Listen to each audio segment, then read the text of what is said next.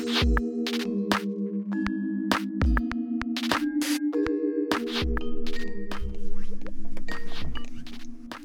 Simon.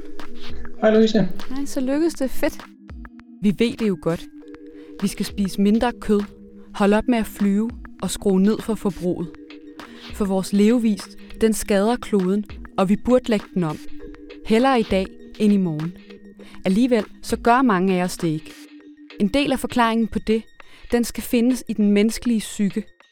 Men jeg kan se, der er en dør åben bag dig. Jeg ved ikke, men så længe der ikke... Men der er hverken børn eller hunde eller noget Ah, men alt godt.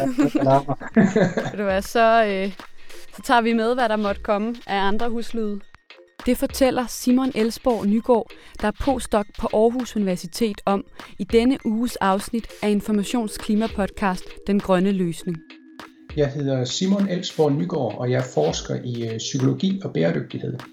Mit navn er Louise Skov Drivsholm, og i dagens afsnit, der skal vi både tale om, hvordan man bedst motiverer sig selv til at leve mere bæredygtigt, hvorfor vanens magt er så stærk, og om det overhovedet kan lade sig gøre at forene det gode liv, mange nok er vant til, med en klimavenlig livsstil.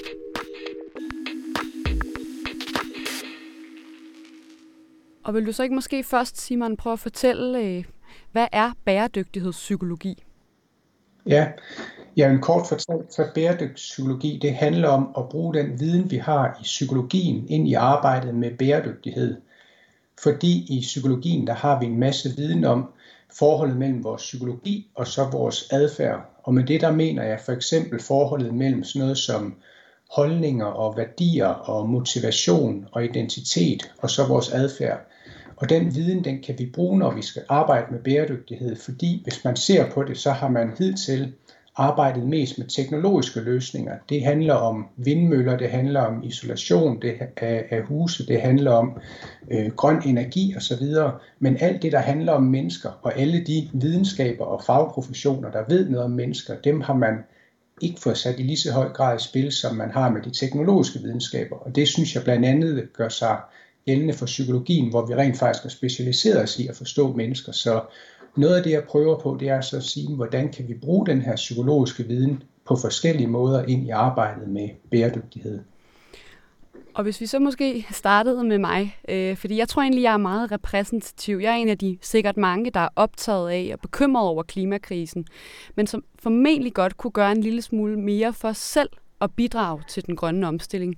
Altså hvis man skulle sådan gå bæredygtighedspsykologisk til mig, hvad ville din råd så være i forhold til ligesom at, at holde den grønne fane højt og bidrage til, til omstillingen? Ja, Jamen, jeg vil nok starte med at spørge dig, altså hvis du er, er bekymret og mener, du godt kunne gøre mere, hvad er så grundene til, at du rent faktisk ikke gør det? Og hvis jeg så sagde sådan noget med, at det måske handlede om sådan det komfortable i at tage på ferie en gang imellem, eller spise en god burger, hvad, ja. hvad, hvad, hvad vil du så svare? Jamen, der vil jeg nok sige, så handler det om at, at gøre dig bevidst, altså om din, din bekymring, den er vigtigst, eller om den øh, adfærd og, og den komfort, du har omkring det, er vigtigst, fordi det er, der er mange ting i livet, der skal, skal balanceres, men noget vi i hvert fald kan gøre, det er at forsøge at tage stilling til, vil vi gerne det ene, eller vil vi gerne det andet, øh, sådan at du bestemmer dig som for måske, jamen så vil jeg tage på ferie x antal gange om året, eller jeg vil spise x antal burger eller bøffer om, om året eller ugen. Og så når du gør det, så gør det med god samvittighed, og så resten af tiden faktisk agerer på en måde, som er i overensstemmelse med dine værdier. Fordi vil jeg tro, at du faktisk går rundt med en lille smule dårlig samvittighed, som gør, at du alligevel ikke helt kan, kan nyde din, din bøf, fordi du faktisk samtidig med, at du spiser den, har en, en bekymring. Øhm, så se om du kan gøre det rigtige, hvis det er det, du gerne vil gøre, og så når du vælger at gøre noget andet, som går lidt på kompromis med dine overordnede værdier, så forsøg at nyde det og sige, at jamen, der skal være en balance i det. Nogle gange gør det ene, nogle gange gør det andet. Og så være bevidst om, hvornår du gør hvad. Hvad er det ved den menneskelige psyke, der kan gøre det så svært at gennemføre den her omstilling, selvom at man godt ved, at man burde? Jamen, der er rigtig mange ting. Noget jeg i hvert fald vil fremhæve, det er vaner. Vi går alle sammen rundt og, og lever vores øh, liv stille og roligt, og for at vi begynder at ændre på vores hverdagsadfærd, så skal der faktisk noget ret radikalt til, for at de fleste af os rent faktisk gider det. Øh, en anden ting, det er så, når man kigger på, hvad vil det sige, og, eller hvilken forståelse vi har af, hvad det vil sige at leve et godt liv i det her samfund, jamen så øh, er der rigtig meget, der er spundet ind i et, øh, et ganske højt forbrug faktisk. Så, så det kan være en, en anden ting. En tredje ting, det kan være, at nogle af de grundlæggende ting, vi går rundt og gør, altså den måde, vi opfatter os selv på, den måde, vi indgår i relationer på, den måde, vi holder ferie på, igen også har forbrug som et naturligt element i sig. Så i den type samfund, vi nu engang lever i, der forbrug er en naturlig integreret del af det. Øhm, og de billeder, vi har på, hvad et liv er, er, en, er, er forbrug også naturligt integreret del af det. Så, så det er så dybt indlejret i vores måde at leve på, at det er svært. Og så en sidste ting, jeg kunne fremhæve, det er den her, de her strukturer, vi er omgivet af, hvor den bæredygtige adfærd faktisk af og til er den sværeste. Så det er klart, at hvis man samtidig skal gøre noget ekstra eller betale noget mere for at gøre det lidt mere bæredygtigt, så er det heller ikke øh, befordrende for, at man, man ændrer adfærd. Så det er jo bare nogle eksempler, men der er rigtig, rigtig mange øh, forhindringer faktisk for at ændre adfærd.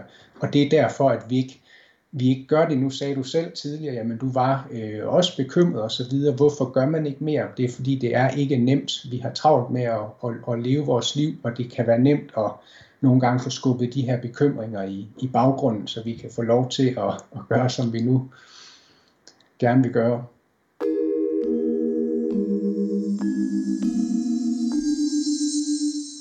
Man ser jo så nogle gange nogen, der ligesom prøver at motivere på andres vegne, kan man sige. Og det, det kan tit blive sådan noget med at slå andre ja, eller måske sig selv lidt oven i hovedet. Man kan måske kalde det klimaskam. Øhm, ja. Altså vi ser, at der er folk, der på sociale medier udskammer dem, der rejser, eller dem, der spiser bøf, og, og ligesom påpeger alle dem, der ikke gør det, de skal. Altså virker så noget i forhold til at motivere os mennesker, at vi ligesom sådan bliver udskammet i den grønne retning, kan man sige? Altså i nogle tilfælde, der, der vil det jo virke man kan sige, at på den ene side, der er det vigtigt, at vi ikke kun forbinder øh, klima og grøn omstilling og, og bæredygtighed osv. med skam og andre negative følelser. Det, det er vigtigt, at vi også forbinder det med nogle positive følelser og tankegange, som, så, så som øh, håb og udvikling og en bedre verden. Så, så overordnet set, der kan man sige, at vi skal ikke kun spille på det, der handler om, om skam og negative følelser, vi skal også spille på det positive. Men jeg vil sige, at i nogle tilfælde, der virker det øh, fordi der ikke længere, øh, i hvert fald i visse kredse, er den samme positive prestige i at faktisk for eksempel skrive på Facebook, jamen nu har jeg lige været i fløjet til London i weekenden for at, at shoppe. Der er en, en adfærdskorrektion forbundet med den, den skam, man føler. Jeg synes så også, at man skal overveje, hvis man rent faktisk føler skam, hvis de andres forsøg på at udskamme en rent faktisk betyder, at man føler skam, så skal man overveje, okay, den skam, som jeg føler, hvad er den egentlig et signal om? Er den et signal om, at jeg lever på en måde, som faktisk ikke er i overensstemmelse med mine værdier, eller den måde, jeg gerne vil leve på, så min skam faktisk viser mig, måske skulle jeg ændre lidt i den måde, jeg lever på, eller er min skam et udtryk for, at jeg er blevet påvirket af nogle andre mennesker og deres værdier, øh, ud fra nogle værdier, som jeg rent faktisk ikke deler, øh, hvor man så må sige, at så skal jeg nok enten lige overveje, kunne jeg lære noget af de andre menneskers måde at tænke på, det kan man jo altid gøre, og ellers så sige, jamen jeg vil ikke tage deres skam på mig. Så det korte svar er, ja, nogle gange virker det, andre gange gør det ikke, men vi skal under alle omstændigheder huske den positive tilgang, og så skal man overveje skam. Det er en følelse, der siger noget vigtigt, fordi den handler om, hvordan er jeg som menneske, øh, og, og dermed er det sandsynligvis noget, man kan lære noget af under alle omstændigheder. Og nu nævnte du før det her med, at en af de ting, der også kan være med til at fastholde os i en, man kunne måske kalde det sådan lidt mere sort livsstil, det er også, at det liv, vi forbinder som mere med det gode og det privilegerede, det er tæt forbundet med forbrug. Altså kan man overhovedet kombinere ideen om det gode liv, vi er vant til, du snakker også om vaner, og så med en bæredygtig livsstil? Det jeg nok vil overveje, det er, at man kan begynde at tænke over, jamen hvad, hvad er det gode liv? Og hvad indebærer det gode liv egentlig for mig? Og der vil det ofte være sådan, at hvis folk de begynder at overveje, hvad er egentlig vigtigt i mit liv, og hvad vil jeg gerne gøre mere af, hvad betyder til syvende og sidst noget for mig, så det er tit ting, som faktisk ikke kræver et stort materielt ressourceforbrug nødvendigvis, eller det der er i hvert fald mange af tingene, der ikke gør. Det handler om sådan noget som man vil gerne være sammen med venner og familie. Man vil gerne have et godt forhold til sine, sine børn, sine venner, sin familie. Man vil gerne være måske dygtig til sit arbejde. Man vil gerne øh, have tid til sine øh, fritidsinteresser. Det er ting, som man faktisk, når man tænker over dem, øh, godt kan få lov til at gøre, uden nødvendigvis noget stort ressourceforbrug.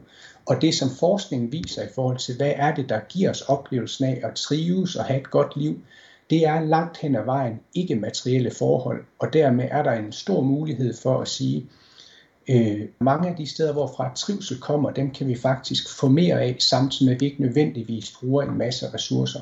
Og det er jo et, et positivt budskab, at, at det, der er allervigtigst i et land som Danmark for trivsel, det er noget, der ikke nødvendigvis kræver ressourcer.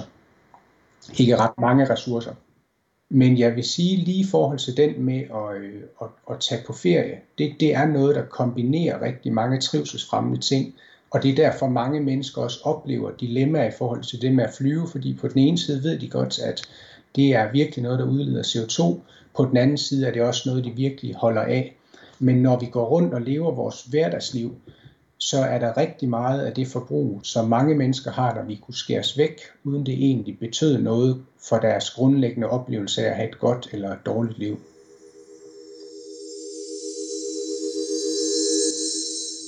Ja, nu snakker du om det her med muligheden for at forene det gode liv og så gøre det på en bæredygtig måde. Jeg ved, at du som forsker også arbejder med fænomenet bæredygtig trivsel. Altså, hvad ja. er det, hvis du skulle sætte nogle ord på det? Jamen, bæredygtig trivsel, det handler om at finde ud af, hvordan kan vi leve gode liv, som også er miljømæssigt bæredygtige. Og grunden til, at jeg gerne vil stille det spørgsmål, det er, at som det ser ud nu i Danmark, der har vi i gennemsnit en ret høj grad af, af trivsel, hvis vi tager Danmark som eksempel. Men måden, hvorpå vi opnår den trivsel, er miljømæssigt ubæredygtig. Og hvis man prøver at fremskrive udvikling, så får man, som, som alle efterhånden ved, nogle ret øh, skræmmende scenarier for, hvordan fremtiden ser ud. Så det vi skal have fundet ud af dybest set, det er ikke kun, hvordan det er, vi skaber øh, bæredygtighed. Vi skal også have fundet ud af, hvordan det er, vi skaber øh, bæredygtighed på en måde, som også giver trivsel. Hvis ikke vi finder ud af det, så kommer vi enten til at skulle øh, gå på kompromis med vores trivsel på kort sigt, fordi at vi øh, kommer til at leve bæredygtigt på en måde, der ikke understøtter trivsel, eller vi kommer til at blive ved med at leve, som vi gør nu, og så kommer vi til at øh, kommer det til at gå ud over vores trivsel på lang sigt, fordi at vi ikke lever bæredygtigt.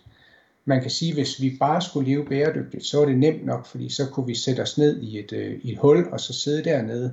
Men Øh, Øh, det vi så går ud over vores trivsel på kort sigt og i et demokratisk samfund, er det ikke noget, vi kunne motivere folk til. Så dybest set, der skal vi ikke i anførselstegn kun finde ud af, hvordan vi kan leve bæredygtigt. Vi skal finde ud af, hvordan gør vi det på en måde, som ikke går for meget ud over vores trivsel i hvert fald. Og nu lyder det jo nærmest som om, at det fuldstændig kan lade sig gøre, hvis man bare sætter fokus det rigtige sted og forene det bæredygtige liv og det gode liv. Men altså, er vi ikke også nødt til at acceptere nogle personlige ofre i omstillingstegn? Jo, det tror jeg helt bestemt, og det skal ikke komme til at lyde som sådan en, en juhu-optimisme, fordi hvis vi skal ned på en fjerdedel af det ressourceforbrug, vi har i dag, som, som, øh, som privatpersoner, som borgere, som, øh, som medarbejdere, som ledere og organisationer osv., øh, så er det svært at forestille sig, at det ikke kommer til at ske på bekostning af, af livskvalitet og, og trivsel. Man har også det, man kalder den hedonistiske trædemølle, som betyder, at når først vi har vendet os til et særligt niveau af forbrug, så vil det være sådan, at når det bliver taget fra os, eller hvis vi skal give afgald på det, så vil vi automatisk blive utilfredse med det, med det, det nye lavere forbrug, i hvert fald i en periode, medmindre det virkelig er noget, vi, vi frivilligt har, har valgt. Så der er nogle begrænsninger der, men jeg synes, øh, det er ligesom gerne vil stå på mål for at sige, det er, vi ved, at rigtig mange faktorer, som fremmer trivsel, de er psykologiske, de er immaterielle. Det vil sige, at vi kan få meget mere af dem, samtidig med, at vi nedsætter ressourceforbrug. Det er det, som alting peger på, og det synes jeg er et kæmpe potentiale. Hvor langt vi så kan trække den i forhold til at sige, at vi skal både have øh, trivsel og bæredygtighed, det er, det er et åbent spørgsmål endnu, men jeg tror ikke, at vi kan i en, et nu, nu, nutidigt dansk samfund leve 100% bæredygtigt, uden at det går ud over vores trivsel. Det, det tror jeg desværre ikke. Men man kan sige, at det skulle måske være for at slutte et sted. det behøves ikke være sådan, at generationerne efter os kommer til at føle, at de har et meget dårligere liv, fordi noget af den uholdbare adfærd, vi har haft, ikke bliver dem for ondt? Det synes jeg er, er svært at svare på. Der er simpelthen så mange, mange ting i spil. Altså for det første så kommer det til at afhænge af også, hvad er det, vi efterlader til dem? Altså hvornår er det, vi ligesom får, får, får vendt skuden? Hvor, hvor meget er der tilbage, og hvilken teknologi er der til rådighed for, for de generationer? Og så handler det også om deres verdenssyn, altså deres værdier. Vokser de op på en måde, hvor de tænker, der omkring øh, år, år 2010-20 stykker, der havde de bare et super fedt liv, og nu sidder vi med regningen og har et øh, virkelig nederen liv. Eller tænker de, nu har vi udviklet noget bedre, hvor vi lever mere enkelt, med mere fokus på det, der rent faktisk betyder noget for vores trivsel, og det er vi rigtig godt tilfredse med, og vi så dem i fortiden som nogle relativt ubevidste forbrugere, der faktisk ikke forstod i ordentlig grad, hvorfra trivsel kom, så de øh, jagtede trivsel på falske måder, som samtidig var med til at ødelægge øh, jorden. Øh, så, så hvordan kommer de til at tænke, det er svært at sige. Og så synes jeg også, det er meget vigtigt at sige, at vi taler jo ud fra et meget privilegeret vestligt synspunkt, hvor vi har fået lov at forbruge, og vi har alle vores fysiske behov dækket. Og det er der, hvor man kan begynde at tale om, at de psykologiske behov er, er, er rigtig vigtige, fordi der er rigtig, rigtig mange steder i verden, hvor et øget materielt forbrug vil i høj grad bidrage til trivsel, hvis ikke man ved, om man har mad på bordet, hvis ikke man har et sted at sove, hvis ikke man har nogle af de her basale fornødenheder til at, at føle sikkerhed og tryghed, øh, fysisk og psykologisk set, så vil det påvirke øh, meget negativt. Så det afhænger virkelig af, hvor de kommer til at stå i, i fremtiden. Jeg kan godt høre, at der ikke er nogen lette svar. Sådan er det jo ofte, men øh, du skal i hvert fald have tusind tak, Simon, for at du vil medvirke og gøre os klogere på den psykiske del af den grønne omstilling. Selv tak. Og også tak til jer, som lyttede med. Dagens afsnit det er klippet af Anne Pilegaard, og med i redaktionen er også Anton Geist og Martin Bag. Vi lyttes ved.